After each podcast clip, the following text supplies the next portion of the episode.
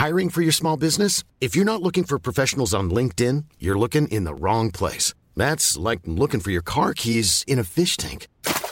LinkedIn helps you hire professionals you can't find anywhere else, even those who aren't actively searching for a new job but might be open to the perfect role. In a given month, over 70% of LinkedIn users don't even visit other leading job sites. So start looking in the right place. With LinkedIn, you can hire professionals like a professional. Post your free job on linkedin.com slash people today. Nu kommer attack ifrån Sugarcane Hanover som går mycket, mycket fort tycker jag. Det är så fort så jag tror att Kallit kan få svårighet att svara. Sugarcane Hanover vänder ut och in på fältet. Startbilen är i rörelse till Svensk Travderby 1987. What the horse, what the driver, nummer ett McLobel och John D. Campbell. Maharaja la Suède, Maharaja s'est retrouvé, le retour, le comeback de Maharaja le 17. vid några tillfällen. Jag trodde att det var en av de bästa hästar jag hade tränat för. Jag tolkades på vis. Du behöver inte misstolka det längre, för det här är den bästa häst jag har kört och tränat någon gång.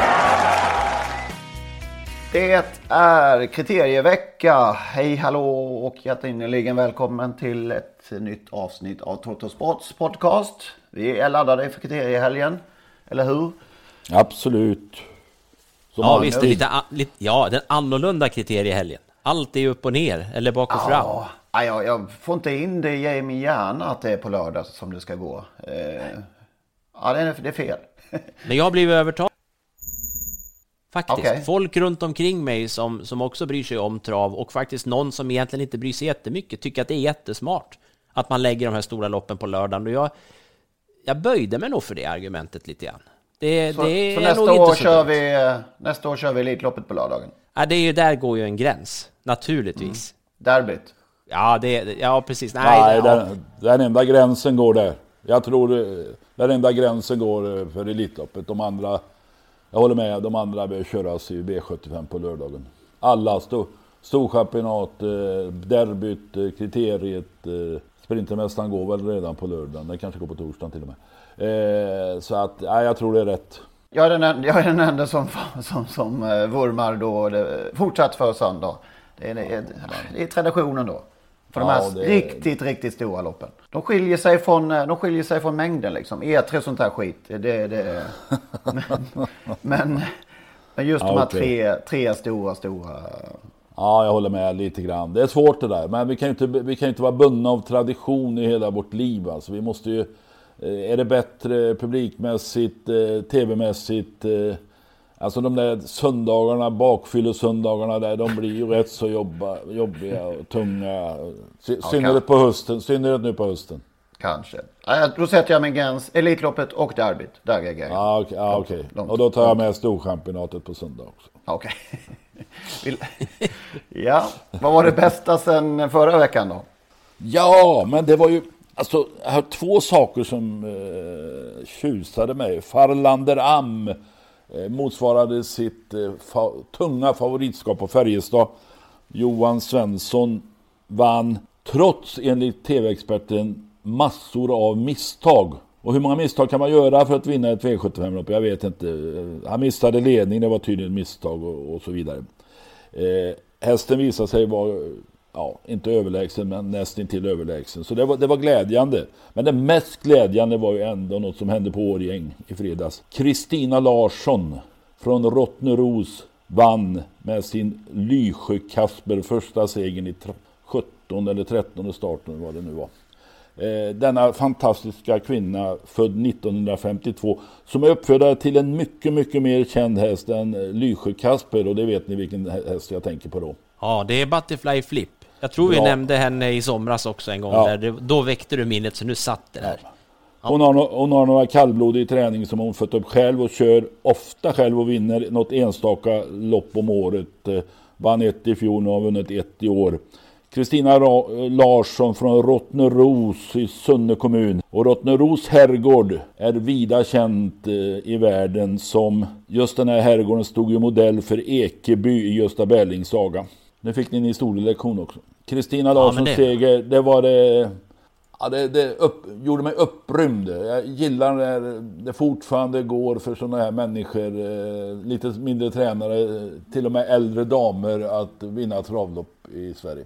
Då gick du och tog dig en eh, whisky ytterligare på fredagskvällen där. Eh, Ja, för att hedra Kristina. Ja. ja, fint, Hon, hon, hon är ju nästan i min ålder alltså. Det är helt underbart. Hon tränar fem hästar som jag sa. Alla heter Lysjö. Ja, Lysjö Mocka är hennes bästa. Faktiskt sprungit in 640 000. häf- Jag, skulle, häftigt. jag, jag skulle vilja åka och hälsa på Kristina Larsson där i Rottneros vid något tillfälle. Jag Ja. måste vägarna förbi där. Hade du något Magnus? Ja, eh, vi räknar väl in måndagen. Den måndag Ja, som, vi, som jag. vi hade igår va? Absolut. Absolut. Eh, till den gångna veckan. Och jag börjar i den änden därför att igår kväll så fick man se den här italienska flygmaskinen vinna Sikta mot stjärnorna, finalen där på Mantorp. Balsamine Font. Vilken sinnessjuk häst det är alltså. I, i, i den klass, om man ska säga det, i den årgång och de motståndare hon har. Alltså hon, hon är så oerhört överlägsen. Det, det är, Björn sitter ju bara, han gör precis som han vill, lite små störningar på vägen. Eh, när Globalizer felar eh, ut på sista bortre långsidan där så direkt bara tar han den luckan. Han kör, alltså det, det är så häftigt. Och, Och bara satt- sitter och väntar och väntar och väntar och sen när han drar i högertummen eh, det är inte klokt liksom. Hon bara på några steg och sen, sen är hon 30 meter före. Det, det är ju klassblandning. Pratade vi inte om en häst eh, någon gång eh, f- från förr i tiden där, eh, där man kunde köra exakt sådär? Precis, alltså det här påminde mig precis om Lill-Mavil.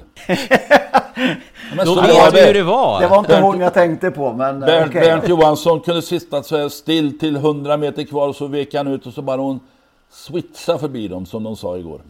Alltså det var så, alltså jag, ja, jag tittade på det faktiskt igår för jag ville se den där hästen. Och så tänkte jag, det här är ju en ny Lill-Mavil. Ja, härligt. Ja, det är så skönt för oss att få en, en liten känsla för vad Lill vill vara för någonting då.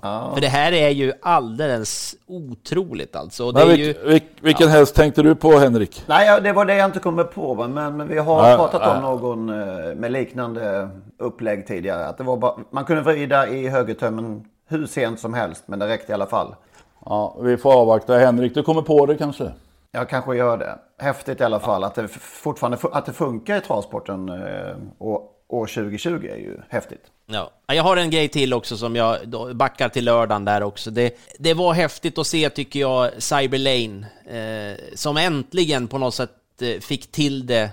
Eh, Johan bombar ju till spets där och sen också lite häftigt den där sista eh, 200-ringen på upploppet, de bara åker ifrån övriga.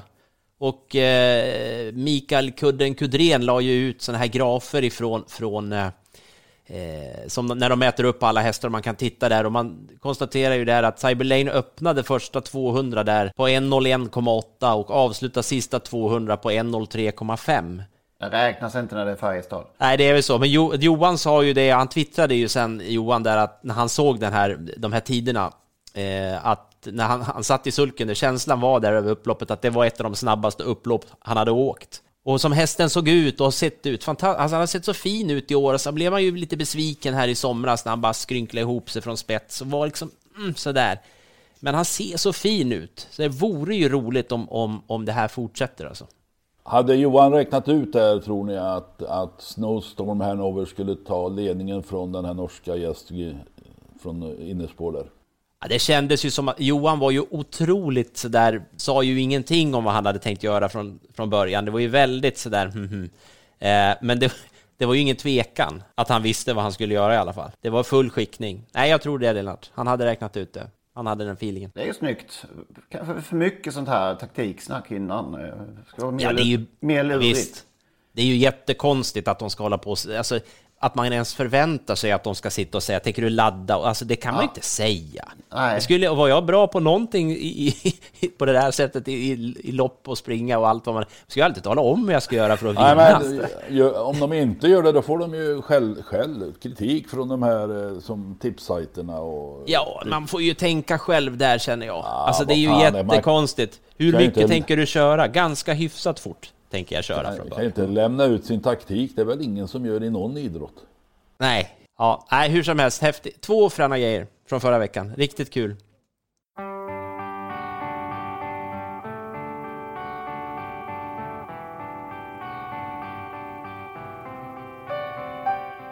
här upp favoriten, två Jolly Rocket. Hästen som har varit med i alla de stora finalerna hittills bland treåringarna. Årgångstoppen så här långt körs av Per Lennartsson. Och de är! Starten har gått i Svenskt travkriterium 1997. Tidiga ledaren är upp favoriten två Jolly Rocket som hur stabilt helst har tagit hand om ledningen. Björn Goop placerade perfekt nummer fem Son Pör i ryggen på ledaren. Där galopperar ledande Jolly Rocket fullständigt oväntat utan anledning. Han snubblar till Thomas. Han tappar aktionen som han har gjort någon gång tidigare. Hittar inte benen utan Per Lennartsson tar snyggt ut honom i fältet utan att eh, åstadkomma några störningar. Här kommer de! Fem Son Pör med fullständig kontroll just nu. Sju Last Model i ryggen på ledaren. Landro Hålleryd har hittat stilen igen. Kommer där mitt i banan. Fortfarande fem Son Pör. Det är Björn Goop. Han vann storchampionatet med Carolinas Mystic. Han vinner kriteriet, den unge Björn Goop. Nu heter segerhästen Son Pör! Då backar vi väl bandet eh, istället och eh, hörde ju då här eh, kriteriet 1997 va? Just det. Ja, vad, det, det, det är ditt klipp det höll jag på att säga. Vad vill, vad vill du säga med detta?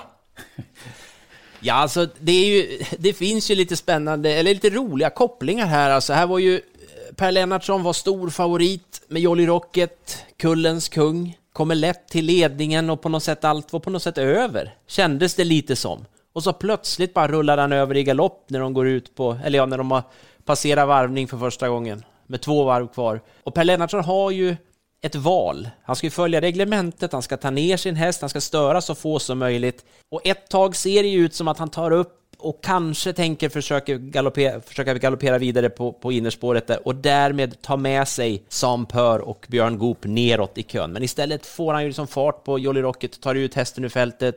Björn får ledningen med Sam Pör och vinner sitt första kriterie som 20 år, 20-åring. Och nu då, matematiska räkna här, vi är 23 år fram i tiden, så får Per Lennartsson chansen till revansch av Björn Goop, även om han kanske inte riktigt hade tänkt det, Björn. Men nu får han, får han, köra, får han köra Björns häst som ju som, ju tro, som, vi, som vi trodde skulle bli favorit, men, men det kanske han inte blir. Men hur som helst, San Motör, och hästen heter ju nästan samma sak. Okej. San Motör, San Motör. Det, det är... Mm, ni fattar Ja, vad jag vill komma, va? Fan vad snyggt. Okej Per, tack för att du gav mig kriteriesegern för 23 år sedan. Här får du min present. Ja, otroligt snyggt. Vi, vi, vi spekulerade ju förra veckan om vem som skulle köra finalen och vi var ju snett ute där. Vi pratade om Carl-Johan Jeppsson som kanske hade varit första val. Men Kalle hade ju dragit på sig en onödig utvisning där i, med Chianti på lördagen. i Precis. V75. Ja, det missade vi. Vakna lyssnare noterade det. Det är tur att vi har dem. Ja, det var dåligt av oss. Vi borde vetat detta. Men jag trodde faktiskt, jag hade inte ens, hade inte ens fattat att hästen var diskvalificerad. Så att, eh, ja. Vi går eh, ytterligare några år bakåt i tiden och lyssnar på det här. Och ni som inte vill höra den här 30 sekunders eh, startlistan som Bosse Rygen eh, drar inför loppet. Ni får eh, spola fram 30 sekunder. Med för, De kan blunda. Ja, blund, De kan blunda. Blundskylt. Just det. Bl- Blundskylt. Precis. Men vi som var med på den här tiden njuter av dessa 12 eh, travnamn. Svenskt travkriterium 1985. Med bakom bilens vingar har vi med nummer ett Ville Åleryd och Mats Hugosson. Nummer två Like a Shot Glenn Norman. Nummer tre Count On Lack Kjell-Arne Gyllström. Fyra Spring Lady Stig H Johansson. Fem Net Hammering Lars Lindberg. Sex Gloria Brodda Torbjörn Jansson. Sju Ted Pride Lennart Forsgren. Åtta Tidango Mi Hans-Ove Sundberg. Nio Intakt Olle Goop. Tio Personia Björn Linder. Elva Simon Pride Tommy Hané. Och tolv Speedy Paul Bengt Persson. Så har de dryga 800 meter kvar till mål i svensk travkriterium 1985. Då attackerar i spåren nummer tre Count On Luck. Med honom går då nummer 10 Personia. Ute på den sista bortre långsidan så har vi i ledningen nummer 7 Ted Pride kommer upp till första 2000. Nummer 7 Ted Pride öppnar 2000 meter efter en 17 och en halv. Upp som andra häst tar sig då nummer 3 Count On Lack. Det är nummer 3 Count On Lack som har tagit sig upp på utsidan om nummer 7 Ted Pride när de har mindre än 500 meter kvar med som tredje häst följer nummer 10 Personia. De är i mitten av den sista svängen, leder och gör nummer 7 Ted Pride sida vid sida med nummer 3 Count On Lack. Där bakom har vi nummer 10 Personia. Gör de nu i utgången av den sista svängen. Nummer 7 Ted Pryder i ledningen på utsidan attackerar nummer 3 Count On Lack. Det är nummer 3 Count On Lack så attackerar också nummer 10 Personia. De är sida vid sida nummer 3 Count On Lack och nummer 10 Personia. Nummer 10 Personia följt av nummer 3 Count On Lack uppe som tredje häst nummer 11 Simon Pride. Det är nummer 10 Personia. Några stycken här som börjar hoppa jämfota och skrika Linder när, mitt i sista sväng. Det var väl kanske lite tidigt men hon såg oförskämt bra ut då.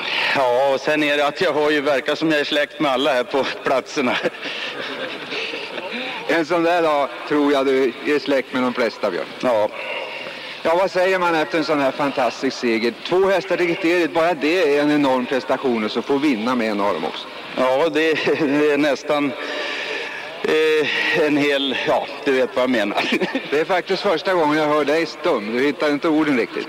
Aj, det är konstigt när Prips är med och sponsrar att det inte finns en liten bira bakom här.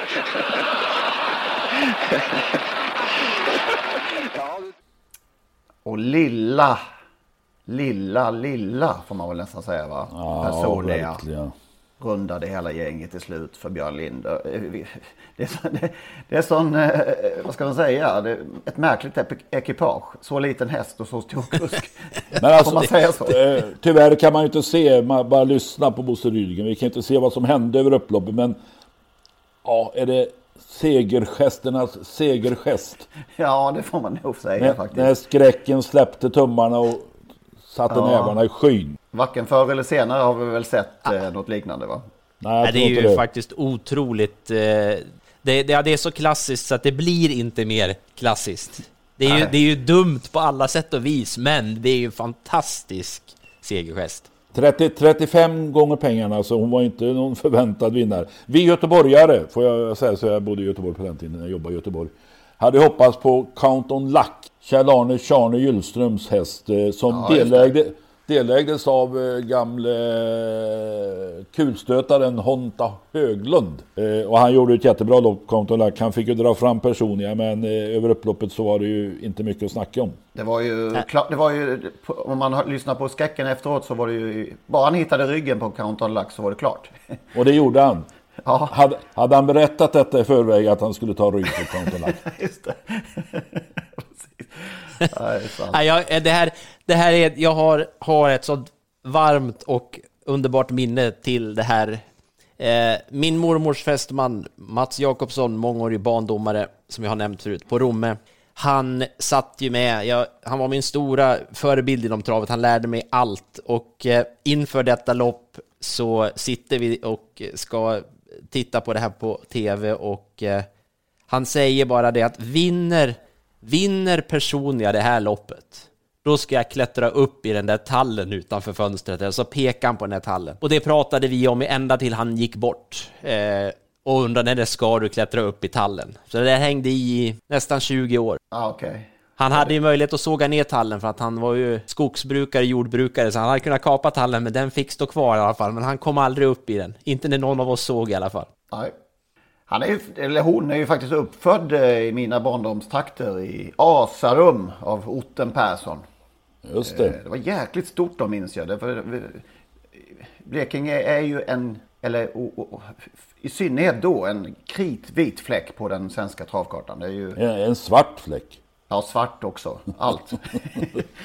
Men vi fick en eh, kriterievinnare i, i uppfödningshänseende då 1985 var det ju då. Jag, jag tror eh, första priset var 588 000 och det var ungefär hälften av vad hon sprang in under hela karriären.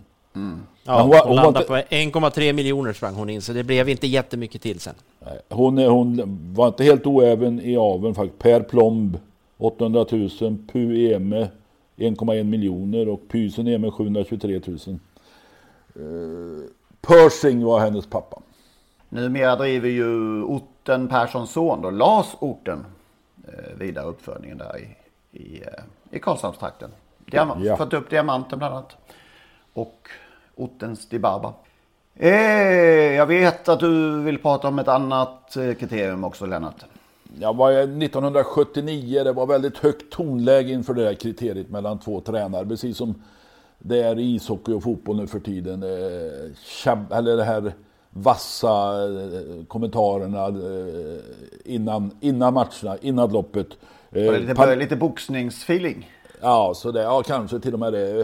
Eh, Pamir Brodde hade varit eh, kung så långt i kullen, men Mustard hade väl plockat ner eh, Pamir Brodde något lopp innan där.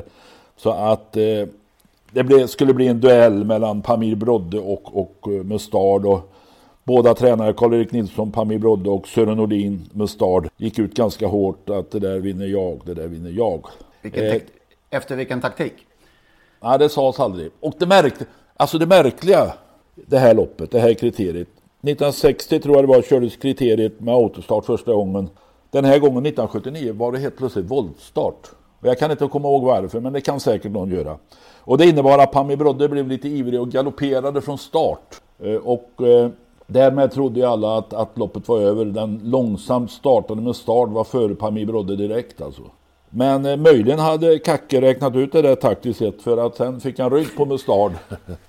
och eh, avgjorde eh, ganska lätt över upploppet och Sören efteråt i sin eh, ja, buttra, bittra kommentar då menade på att, att Pamir Brodde vann tack vare, eller på grund av vad det nu heter, startgaloppen. Utan startgaloppen så hade Mustard vunnit. Men Pamir Brodde vann. Sen tog Mustard över som, som Kullens kung. Han vann ju derbyt. Derbyt, för fan. Derbyt året efter. Och eh, Kacke berättade ingenting om detta heller i, på förhand, att han skulle ta en liten kort galopp. Nej, alltså det var tyst om detta. Men det var smart. Hur hårt var det till slut? Nej, han vann ganska enkelt. Speedade förbi den något entaktade Mustard. då. Nej, Han hade, gjorde en sån här skiftsteg där Mustard och tappade fart. Som sagt, det var ingen, inget krångel med startbil eller så, det var ingen sån orsak eh, till Nej, jag, att kan det var inte, bort. jag kan inte minnas det där alltså. Jag, jag, alltså jag har för mig att det var våldstart i programmet, men varför? Någon vet Ja. detta. Det Någon övertygad vet detta. Kanske Anders Lindqvist. Ja, kanske någon annan också för den delen. Ja, ja. Kacke, jag får ringa Kacke, det borde jag ha gjort. Just det. Vad... Jag sitter- eh, Ja, Ja, men Jag, måste, jag, jag sitter och funderar på det här nu, med, med det här, när hade vi, när hade vi ett sånt uppsnack inför ett, ett lopp senast i, i Sverige?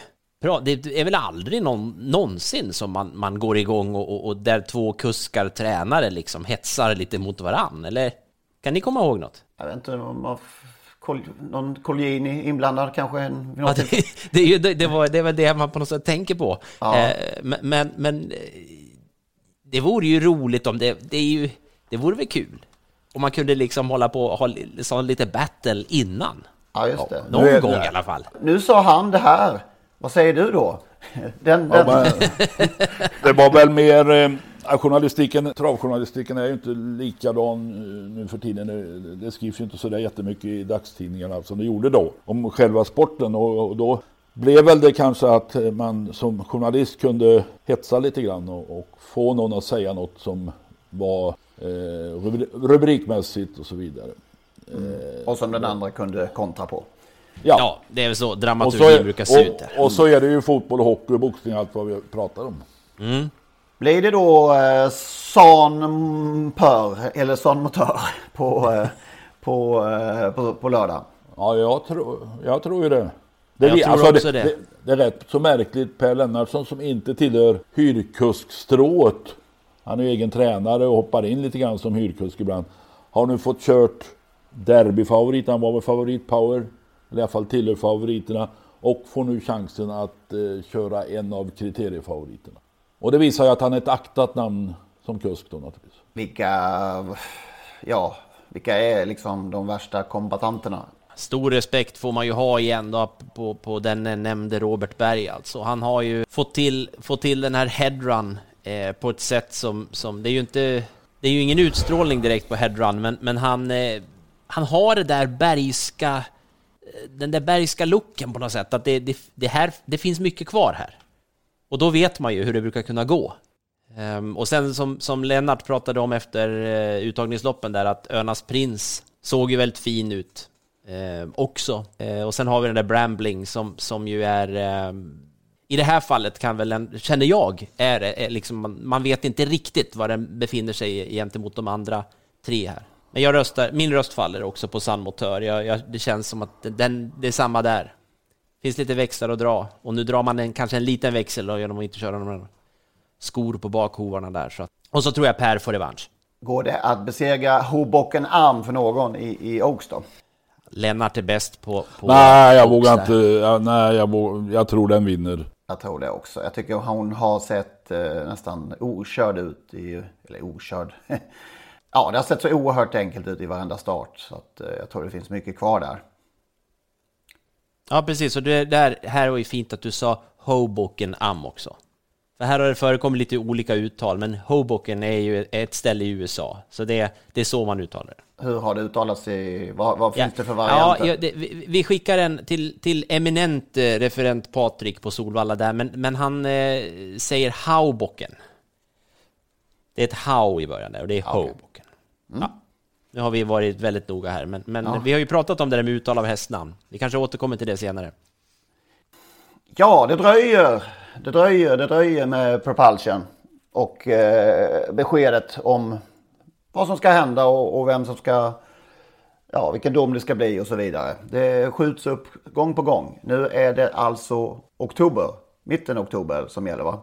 Ja, det, de, det är så här, de, de arbetar vi arbetar nu med målet att senast i slutet av oktober. Ja. Det, det, känns ju som en hockeymatch med tre perioder och nu är vi inne på sudden death. Ja, eh, och, och, den kan ju hålla på hur länge som helst i, i vissa hockeymatcher. Ett halvt dygn och sådär va. Eh, och undra, man, man, man, säger att vi har mål och vi, vi vill komma med en dom.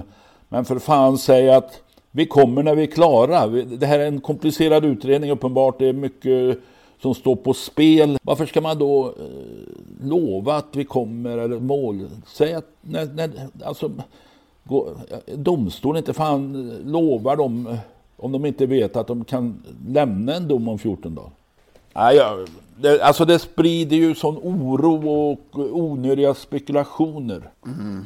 Och hur, ska, hur mår inte de inblandade?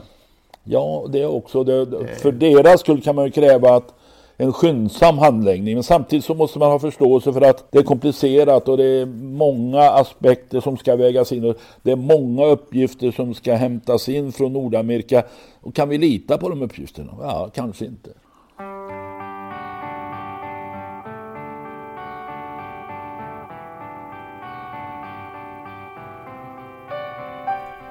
Eh, knappt hade ju bläcket torkat för det som vi tog upp förra veckan. Eh, för Robert Bergs krönika i Expressen. Eh, det vi tog upp som sagt i förra veckans avsnitt.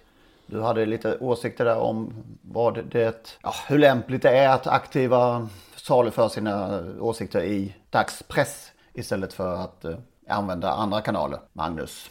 Ja, och, eh, det, det, har jag inte ändrat. Jag har inte ändrat mig sen förra veckan och i, som sagt, innan det ens hade torkat det bläcket så, så kom Björn Goop ut med en drapa. Han berörde då i sin krönika i Aftonbladet eh, domarna och eh, dess kompetens som han tycker brister. Så då undrar man, eh, var det, kanske, var det någon lärling här som råkade illa ut eller, eller någon annan kollega? Nej, det var Björn Goop själv som ju då är avstängd på vår eh, lördag och eh, inte kan köra i kriteriet som, som vi har varit inne på. Eh, jag, jag blev ju, vi jämförde med andra sporter i andra sammanhang tidigare här. Det, finns det någon annan sport där de aktiva kan gå in och styra innehållet i och eh, agendan på det här sättet?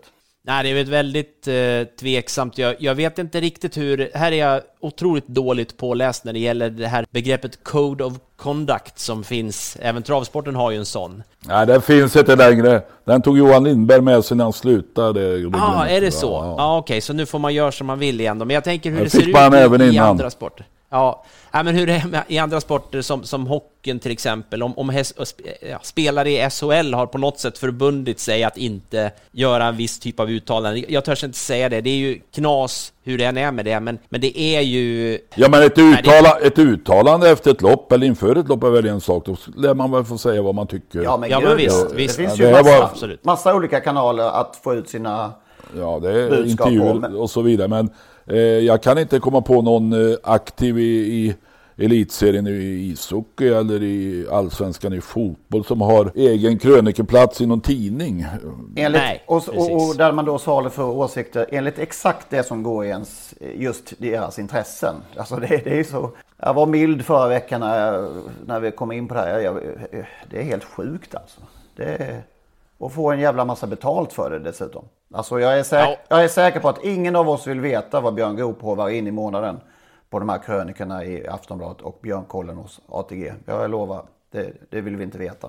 Nej, och den problematiken finns, alltså tar man det här ett steg längre då så kan man ju verkligen fundera kring, man pratar mycket om, om drivningar i, i tv och Per Skoglund säger att han, han är väldigt mån om att, att säga det. Såg ni på upploppet här, trots det de höga prissummorna och, och det täta slutstriden, såg ni vad stilla kuskarna satt och gärna lyfta fram hur, hur bra det ser ut. Och det är ju bra, det är klart vi ska göra det. Men man undrar ju varför man inte kanske tittar närmare på, på Björn Goop då, exempelvis den, den avstängning han nu har fått här, som ju är kopplad till ett lopp på Gävle, och tittar på det och, och funderar, är det så här, är det domarna, har de fel? Är de för dåliga, domarna? Är det därför de, de dömer Björn här? Eller är det så att det här är något som inte vi vill se på svenska banor? Eh, och varför, om man nu inte tar upp det då, vad är orsaken till att man inte tar upp det? Det var väl undertonen i hans krönika, den senaste krönika i Aftonbladet, att han var förbannad, irriterad på att han blev avstängd i Gävle. Och eh, menar då att eh, domarkåren saknar tillräckligt kunnande och förståelse kring loppen. Det är för dålig kompetens. Eh, och det är hög genomsnittsålder och de har inte tävlat själva så att eh, de har inte den där känslan för hur loppen fungerar. Och de behöver, behöver en föryngring av domarna. Jo, samtidigt som man säger att de har inte kört själva, de har inte tävlat själva. Ska vi då eh, som domare anställa gamla kuskar eller tränare, då får vi vänta till de är 60-65 år. Alltså, jag, jag tror man kan tycka vad man vill om domare i alla sporter och det är möjligt att travet har eh, sämre kvalitet på sina domare än till exempel fotboll eller ishockey eller bandy eller vad det vara månde. Men jag tror också att domarna i travet har en svårare uppgift bland annat för att reglementet är inte tillräckligt tydligt och man har inte gjort tydligt att man ska döma efter reglementets bokstav. Vi ser de här eh, när man kör innanför eller utanför vad det nu heter, pinnarna och så vidare. Va? Eh, man ser de här eh, kompiskörningarna, stallkörningar. Vi såg en förra veckan där en tränare tar upp sin häst och släpper ner sin stallkamrat i andra par utvändigt. Domarna har inte fått tillräckligt med stöd från förbundet, från reglerna, från regelkommittén, från domarchefen att ni ska döma enligt regelboken. Punkt slut. Det är för otydligt.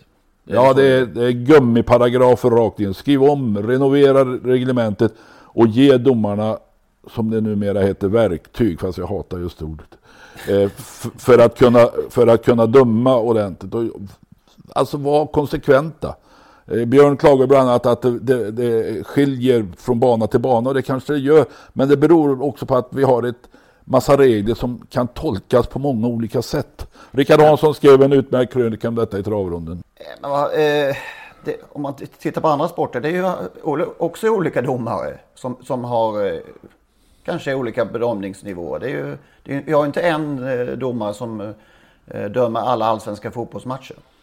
Så att det är ju, alla, Nej, men, sport, alla sporter ja, har ju massa olika domare som ja, med olika jag, nivåer jag återkommer, har man ett tydligt reglemente då blir, underlättar det i alla fall för domarna att ta, ta, kloka beslut.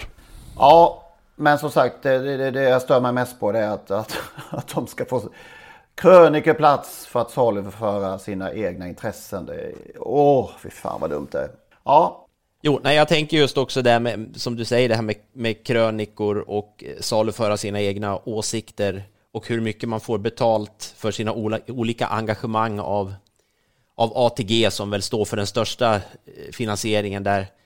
Samtidigt då som, som samma ATG har eh, ett TV, en tv-täckning där man ju, man gör inte kanske ett journalistiskt arbete, men ändå så skulle man ju kunna ställa nämnda kusk eh, Björn Goop till svars lite mer kanske om han inte var så insyltad i ATGs verksamhet som han är. Mm. Man måste ändå man måste eh, som gammal journalist och delvis fortfarande ändå, så, så det finns ju faktiskt en etik i det här som man ändå måste ha viss respekt för. Man kan inte latcha med det hur som helst. Det, det är faktiskt så, och, och Björn Goop som blev avstängd då för en, en förseelse på Gävle, jag vet inte om det var därför han blev så upprörd, för att han tyckte att de bedömde fel, men jag tycker var och en kan gå in i lopparkivet och titta på det här och fundera på, är, är det verkligen fel på domarna där? Ska vi ha sån, ska det se ut så på trav? Eh, tycker vi att det ska vara så? Eh, en häst ska enligt reglementet få en chans att svara på drivning innan man driver igen. Och tittar man på det loppet så kan man undra, får Björns häst chansen en enda gång att svara på drivning innan det kommer nästa? Jag tycker att det, någon slags ödmjukhet eh, saknades här i den här kritiken eftersom den ju råkar komma exakt samtidigt som han är avstängd. Det, det känns som att det... Vi kan nog inte... Ja, det var ingen slump.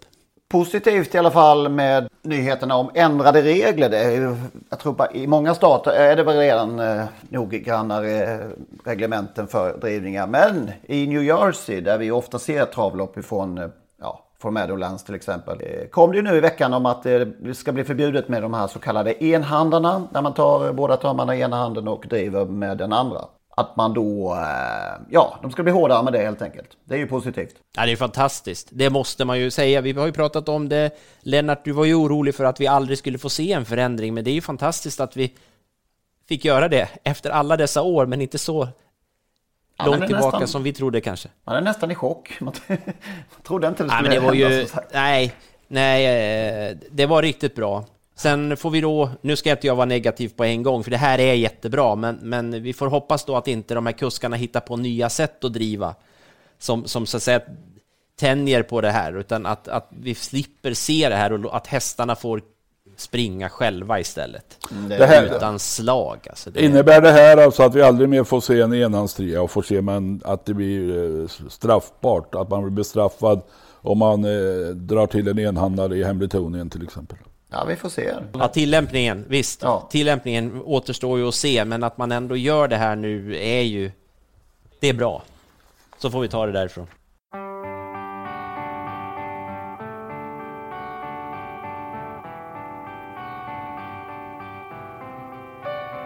Ja, men ska vi gå vidare med lite trevlig, me- mera trevligheter då. Eh, De här eh, hästnamnen har vi fått jäkla härlig respons på också. Eh, Så enkelt och så, så genialt. Det enkla är Ja. ofta genialt. Ja, exakt. Hallå, hallå! I andra par utvändigt sitter ettan, nummer 12. Jaha, okej. Det där förstår ni inte. Nej. Hästnamn på E. Ettan. Ah, nu. Född 1967. Sju, sju starten, inte en enda spänn. Ettan vann aldrig ett enda lopp. Kom aldrig på plats. Men, men, nu ställer jag frågan. Vem var tvåan? Ja, jag tänkte säga det, vann han några lopp? Han, är, han eh, skrev i alla fall om fler vinnare, men han kanske körde Men- någon vinnare också. Ja, men nu pratar vi om hästnamn. Vem, Alltså, jag trodde vi pratade vem om var Lars tvåan? tvåa. Jo, ettan och tvåan var tvillingar. Är det sant? Båda födda i april 1967. Tvåan var lite vassare, 15 starter, två andra platser, två tredjeplatser och 2175 kronor. Han var tvåa i alla fall. Tvåan var tvåa. Mm. Nej, ett, tvåan var etta. Ettan, ja det var en parentes i min eh, odyssé på hästnamn. Jag har, några, jag har några bättre om jag får Vi var inte riktigt beredda här, jag och Magnus. Vi, vi är för tröga. Vad, ja, vad hade du mer? Ja, jag, får, jag måste ju nämna några stycken då. Esprit, det underbara stoet eh, hos eh, Sven Ludde Karlsson och senare Kalle Fylking tror jag. 47 segrar. Eh, Esprit. Jag tar även Estelle, det är väl någon sån där eh, prinsess, drottningbarn, prinsessbarn som heter Estelle. Det stämmer. Och det fanns en travhäst uppfödd på Läckö som heter Estelle. Okej, det är dina krokar. Ja, utanför Lidköping. L, SM-vinnaren L, Stig Johanssons. Och så Extrem gillar jag som namn. Extrem. Kungapokalsvinnaren med Daniel Olsson. Just det. Roger L Johansson eh, tränade va? Ja. I alla fall i början. Nu lämnar Jo, det var nog så i hela karriären tror jag. Okej, ja det var det kanske. Eller var det, förlåt, eller var det Roger L som vann Kungapokalen med... Ja, det tror jag faktiskt ja. det var. Ja, varför, ja, Daniel Olsson kanske körde senare tillfälle. Möjligen. Ja, förlåt. Jag börjar med Emil. Denna eleganta, jättestora häst hos Stig Johansson, startkanon. Emil, vad vacker Som, han var. Vad fin han som, var. som det jag har sagt förut, som föranledde Stig att stänga av mig en månad. eh, Ja, just det. Bara en sån sak. eh, sen måste jag eh, ta Express Gaxe. Au. Ja. Det är från en annan tid liksom, från en annan spelplan eh, känns det som. Med amatören då, Gun- Gunnar Axelryd som dessutom alltid körde hästen jämt. Nästan. stora- Nästan. Jag tror Sven Bergen körde vid något tillfälle. Ja, ja, kanske. Folk som, jag kommer ihåg, folk som inte kunde så mycket som, eller liksom inte brydde sig om trav, de visste ändå. De hade koll på Express Gaxe. Ja, men alltså kungapokalen, derbyt, Sankt Ledje, SM, Hugo Åbergs Oslo Grand Prix, Åby Stora, tvåa på Roosevelt Raceway. Och det där, den där eh, hundliknande, vad heter stövarliknande gången, där långt eh, nedsatt huvud. Kunde ta ett galoppsteg, två galoppsteg i tio fart och ställa sig och trava vidare. Mm. Underbar Ja. häst. Mycket. Espre, Express Gaxe. Eh, Ego Boy såklart. Ändå nämna. Ja men E- E- Ego Boy får man ju nämna på, på grund av hans eh, kändisskap, men som namn Ego Boy. Ah, det- kanske inte. Sen, sen Ja. är det ett namn som har fastnat eh, bara. Det är ju ingen som kommer ihåg det här förmodligen. Möjligtvis Magnus som också har tittat på samma videokassett hundra gånger, precis som jag har gjort, från Elitloppssändningen 1984. Einarsin, en finsk häst som skrällde i, eh, på, i den första avdelningen på V65, eh, Elitloppsdagen 1984 då. Einarsin. Vi, har inte, vi har inte glömt någon av Anders Lindqvists stjärnor nu bara, så att då får vi ett helvete. Ja, jag glömde Cascades Girl ju förra veckan. Det, Ja. det grämer mig lite. Ja, förlåt Anders. Och jag, dessutom Capo di Tutti Capi. Det, det grämer mig också. Men det var att se det. Hur har du, vad, har du på, vad har du på E, Magnus? Jag sitter bara och väntar på, att att hoppa in innan ni har tagit alla hästar. Ja, förlåt. Men det är rätt. Ja, Ego Boy som sagt, det, det är, jag vet inte, no, för många är det ändå hästnamnens hästnamn, Ego Boy. Det är det enda namn de kan, så på det sättet tycker jag ändå att det, det, det, det finns en, en, en kvalitet i det. Men eh, det är väl inte så jättevackert kanske. Men, eh, eller. Ja. Ettan hade Lennart, jag kommer med Eller. Nej, Eller var ju trea i Euro- i Europa-derbyt där, ja, 2001. Fantastiskt Eh, och. Eller är ju ett av många bra exempel på eh, Margareta Wallenius Klebergs eh, sätt att döpa hästar. Mamman hette ju Undecided. Det. Eh, och då blir det ju givet att döpa en avkomma till Eller. Och det var den jag hade kvar där när ni hade dunkat på det med Emil och Express Gax och Ego Boy. Det var ju sådana, ja, Nu får du börja på F då istället Magnus. Ja, det kör vi på. Ja, eh, och då, ja, jag, tar, kommer ni ihåg Farang? Långskubbare som, ja, kanske var väl ingen stjärna, men eh, Var det Katarina? Lundström Trä. Ja, det var, Kata, det var Katarina. ju Kattis, Kattis var det. Såklart. Ja, eh, var ju en riktig långskubbare. Jag, jag undrar om han gjorde någon start eh, på 1600 meter. Tveksam. Eh, han sprang ju inte ens in 900 000, eller inte ens, elakt. Men det var ju som sagt ingen stjärna, men den här minns jag oerhört väl ändå. Mm. Bland annat Jim Frick körde ju många gånger också. Just just det. Och sen har jag, klämmer jag till med en, en häst till som är i, mitt, i min travhistoria ett sånt där klassiskt namn som gav upp, upphov till att, att göra en Flying Grace. Åh, åh vad fin hon var. Vet, vet ni vad det är? Nej, något speedigt.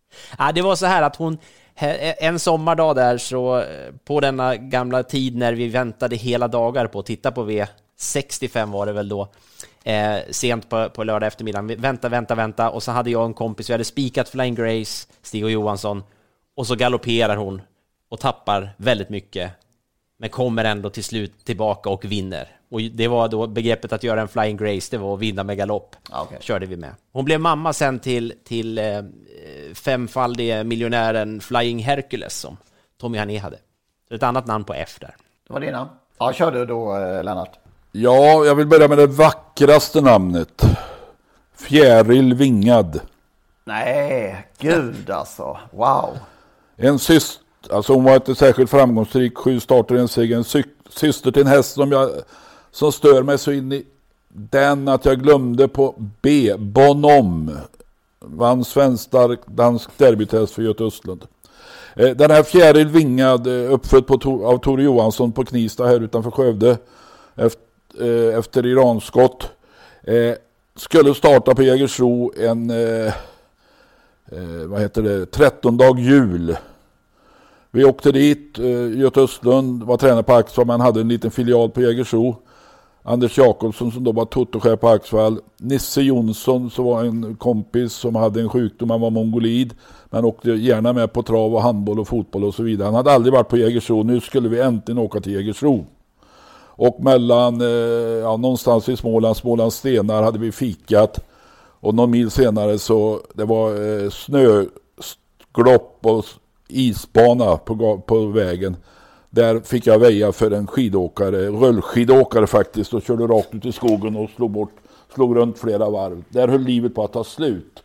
Eh, när vi väl hade kultat färdigt där så låg eh, Totochefen eh, en bit utanför bilen, han åkte ut genom bakrutan.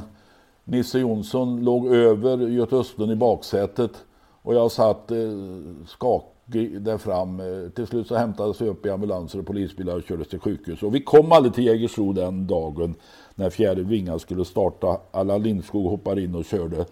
Och Nisse Jonsson som nu inte finns med oss längre kom heller aldrig någon gång till Jägersro. Det tyckte han var för jävligt. Och han sa på stan i Skara dagen efter att vi kommer inte till Jägersro för den där jävla Persson körde som Fittipaldi. Och, och eh, det, ja, det höll på att sluta en katastrof. Usch då. Ja, det var dramatiskt. Men det är klart, det käraste namnet för mig. Fakir. Ja. Fakir. Men fjärilvingar, alltså det är ju... Ja, det är så slår vackert. Ju, aft, det slår ju aftonbris. Ja, ja, nästan. Men Fakir måste jag ju ändå nämna som jag... Det var en väldigt bra häst, vann 13 lopp. Jag lyckades vinna två lopp med han. Ett kval till amatör-SM. Nej, då blev jag tvåa. Och sen vann jag amatör-SM i Gävle då 1984. Med denne son till avelsgiganten Pay Dirt. Och det säger jag Pay Dirt som har lämnat Danmarks genom tiderna bästa häst Tarok. Fakir. Färdig så. Ja, du får väl chansen nu. Ja, men en av mina favorithästar den är ju att slå in en straffspark från tre meter i öppet mål. Eh, from above. Älskade from- above. Fantastisk. Fint namn också. Eh, sen en eh, häst som jag hälsade på inför ett elitlopp. En av Danmarks bästa hästar. Fräcke Fredrik. Åh, oh, vad fin han Ja. var. Vad fin han var. Eh, och ett härligt namn också tycker jag. Sen gillar jag Fanny Doll. Den franska, det Just- franska stoet. det. Eh, Det är något härligt över det namnet. Eh, Flower Child. Ja, Flower. Child, eh, legendariska i eh, Egoborg Elitloppet då 1973. Som jag har varit delägare i en son till. Power Child. Ja, Okej. Mm. Flower Child, är fint. Sen eh, hittar jag, eh, skakade loss från, eh, ja, runt 1980 är det väl. Framtiden. Oh. Ja. Kriterietrea. Eh, också med i derby tror jag. Eh, gjorde bort sig. Var det ha Kenneth Hagre? Ja, han var väl på något sätt inblandad där. Men jag tror inte han tränade. Eh, Han bara körde. ja, drygt 400 000 trä- eh, tjänar han. Framtiden. Tappade vi något eh, av dina nu, eh, Magnus? Nej, det var väl, det var väl bara så här uh, Frances Bullwalk. Ja, det får vi. Annars kommer massvis att mejla in om vi inte, om vi inte nämner detta. Vi har ju pratat om henne ett par gånger minst med, redan i tidigare avsnitt. Fem- Men, men ändå. 50-talets stora stjärna som drog land och rike runt ju och eh, samlade stora skaror. Publikrekord vart hon än kom. Alltså. Alltså hon vann SM 50, 51, 53, 54, 55 och 56. Eh, fantastiskt läcker häst. Jag tror aldrig eh, Sara Odin vek från eh, uppfattningen om att eh, hon var den bästa häst han hade haft och tränat. Ja. Jag vill nu nämna henne skulle vi i det sammanhanget lämna Francis Marie som jag tycker var en läcker häst och ett läckert ekipage med Rune Turesson. Och ett, ett fint namn, Francis Marie. Vad säger ni om Famakurrit? Nej. Inte, inte min favorit riktigt. Nej. I, i For- namnhänseende alltså. Formula One? Nej. Lite. Nej. Nej, nej, nej, ge mig. Det är ju ändå dubbeltrav på, på eh, Solvalla till helgen och på söndag körs Walter Lundbergs. Det är ju också, då är vi där igen då med traditioner och sådär. Men när jag flyttade upp till Stockholm eh, början på 90-talet då. Fan alltså, det är, på onsdag är det Walter Lundbergs. Så kändes det. Sista onsdagen i april eller första i maj någonstans där. De här första vårvindarna. Fattar ni det? Att det är på, på onsdag är det Walter Lundbergs. Det var Det på var våren stort. på den tiden. Det, var Ja. det, var, det kändes jättestort. Och nu är det bara undanskuffat en, en V75 på en Solvalla en höst, höstdag. Jag vet inte, det känns konstigt. Mastodont vann Walter Lundbergs 1972. Jag åkte hästbuss upp till Solvalla dagen innan med, med eh, Bosse Näslund som tränare och körde. Göran Masen Folkesson som skötte, nu fick vi in Masen där. Eh, som skötte och Karl-Erik Bender och Stall Palema. Eh, vi var ute lite på kvällen. Mitt uppdrag var att hålla eh, Bosse Näslund i skick för att kunna köra Walter Lundbergs dagen efter. Och han vann eh, till 22 gånger i odds och ägaren Christer Byxmakaren, nu kommer jag inte ihåg vad han hette efternamn, Ahlgren, Al, ja någonting, Byxmakaren. Eh, nere i vinnarcirkeln där Lars-Erik Hovstedt var prisutdelare, var ordförande i STC på den tiden ordförande i Stockholms travsällskap. Delade ut pris och Eh, Byxmakaren klappade om Näslund och skrek där så högt han orkade. Jag spelade 5000 på Toton och 5000 hos Bookmaker. Och eh, eh, Hovstedt vred sig lite och liksom vände sig bort för att eh, liksom låtsas att det där hörde jag faktiskt inte. Vad fick han bäst odds? Vet vi? Vet Nej, vi jag vet faktiskt inte. På hemresan köpte vi en back öl i, i Grillby. Stannade på Brännebrona värdshus utanför Göte för att se på Sportspegeln där, där loppet skulle visas. Så vi kom lagom dit. Vi hade ringt, jag hade ringt i förväg så vi fick ett litet bord med en smörgås, ett öl, ett hörne. Och där satt ett 20-tal personer från civilförsvaret som hade övning där. Och så kom man in på det här travsnutten då i, i, i Sportspegeln och Bosse Blomqvist presenterade hästarna. Och då, ja, med fyra mastodonter, jag kommer inte ihåg om man hade fyra, med Bo Näslund från Axvall. Och då sa någon av de där gubbarna där att Ja, den jävla Näslund kan i alla fall inte vinna ett sånt här stort lopp. Och då satt vi där strax bakom. Och när han väl hade vunnit och gick det upp för hela ligan där att ah, här sitter ju faktiskt Näslund. Det är fantastiskt ju. Ja. Mastodont. Han hette från början Mastodont Sund om jag minns rätt. Uppfödd av Ellert Larsson på, på eh, Eriksund efter... Okej, Ja. de tog helt sonika bort. eh, Ja, de tog bort Sund de jäklarna. Ja. Men visst var det den som eh, sedan gick till Bo William Takter? Ja. Sprang, vann 36 lopp efter Gundalf, den fine Gundalf och Otka, toppstort Otka. Fransk. Han var stark som en björn. Om jag minns rätt så slog han Masterboy med Sven Eriksson från Eskilstuna. Yes. I Walter Lundbergs alltså. Just det. Sen har vi ju också, eh, vi har ju faktiskt Francis Bulwarks lopp på söndag. Ja, det ser Ja, man. det har vi. Ja, i ett sånt här lopp som, som ju har fått hundra namn. Jag förstår inte det där. Ja, men gud, det är ett annat avsnitt. Men, men Francis Bulwarks, eh, Olle Anderssons lopp. S- Med då, men det heter då också STL Open, för det är ju finalen i det. Så att eh, Det är också- det är många, många, jag vet inte, kärt barn har många namn, men... Det är men, också V75, det är också V756, dagens dubbel 1, V54, V32. Trio, tvilling, vinnarplats. ja, Europaderbyt. Försök till Europaderbyt. det är det också ja på, på, Ja, men- på söndag. Ja, det är ju en, en, det är många fina hästar som de har stoppat, stoppat undan på söndagen här. På Ecuridé som inte var anmäld egentligen men som fick köpa in sig på något underligt sätt där. Just det. Men på lördag då? Har du hittat någonting, eh, vår spelexpert Magnus Ståhlberg? Och jag tackar för det, tackar för det. Får jag en egen signatur snart? Ja. Eh, jag ska, sa efter förra veckan, vi brukar ju gå igenom också eh, vilka fantastiska drag vi har haft veckan före här. Jag tror jag redan har glömt bort vad jag... Jag går snabbt vidare när det inte går bra. Men nu, är ju, nu, av- nu har vi avverkat de här tre hemska banorna. Så nu är det, nu, nu, Ja. nu är det ny... eh, Ja, Solvalla. Mm, det trivs jag. Ja. Nej, men, men eh, visst, vi, någonting ska vi väl hitta på och eh, spiken tror jag väl är eh, given för många. Det är väl en öppen dörr, men V75-avslutningen nummer två, Pleasure for Cash. Ett helt annat läge den här gången än, än eh, senast från spår 12. Nu är det spår 2. Det är ju en jättefin häst. Svårt att se att den inte vinner. Han var ju otroligt Sen, eh, bra på ja. Hagemyren. Visst. Och det, det, vi har inte sett botten i den där än alls på långa vägar. Sen eh, vill jag lyfta fram i, nu ska vi se, komma till på rätt lopp här, V75 5. Från innerspår där, s- försöksvinnaren eh, Iceland Falls. Håkan Wallberg tränar, Claes Sjöström kör. Toppform, blir väldigt lite sträckad i förhållande till vad jag trodde faktiskt. Bra läge, kan öppna. Förmodligen eh, ryggledaren då, är min tanke i alla fall. Och eh, då vet vi hur fort hon kan gå till slut. Så att eh, ett måste-streck. Nöjda så? Ja, sen har vi ju pratat om både kriteriet eh, och Oaks också, så att eh, ja, jag har inget mer att komma med.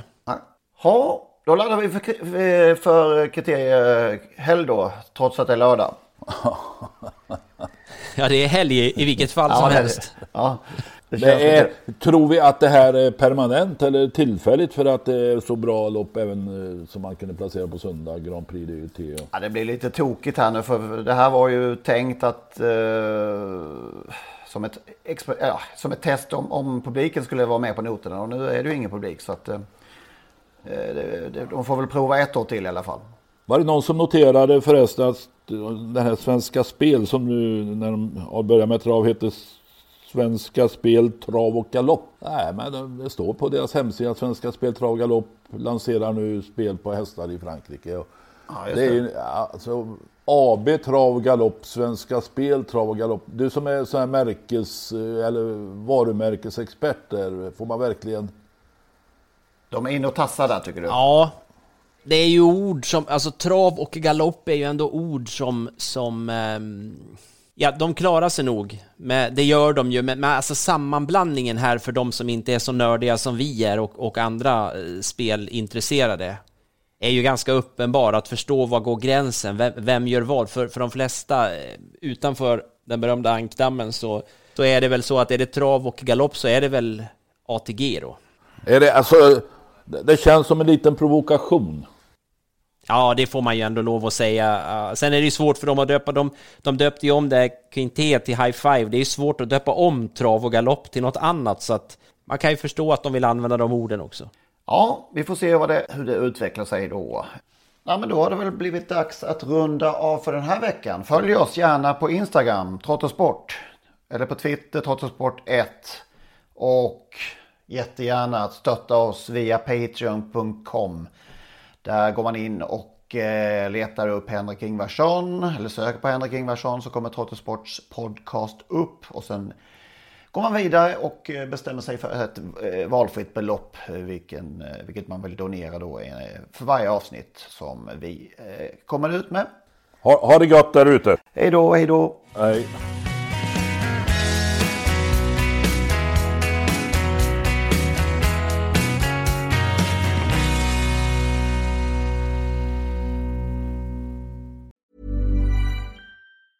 Mom deserves the best, and there's no better place to shop for Mother's Day than Whole Foods Market. They're your destination for unbeatable savings, from premium gifts to show-stopping flowers and irresistible desserts. Start by saving 33% with Prime on all body care and candles. Then get a 15-stem bunch of tulips for just $9.99 each with Prime. Round out Mom's menu with festive rosé, irresistible berry chantilly cake, and more special treats. Come celebrate Mother's Day at Whole Foods Market.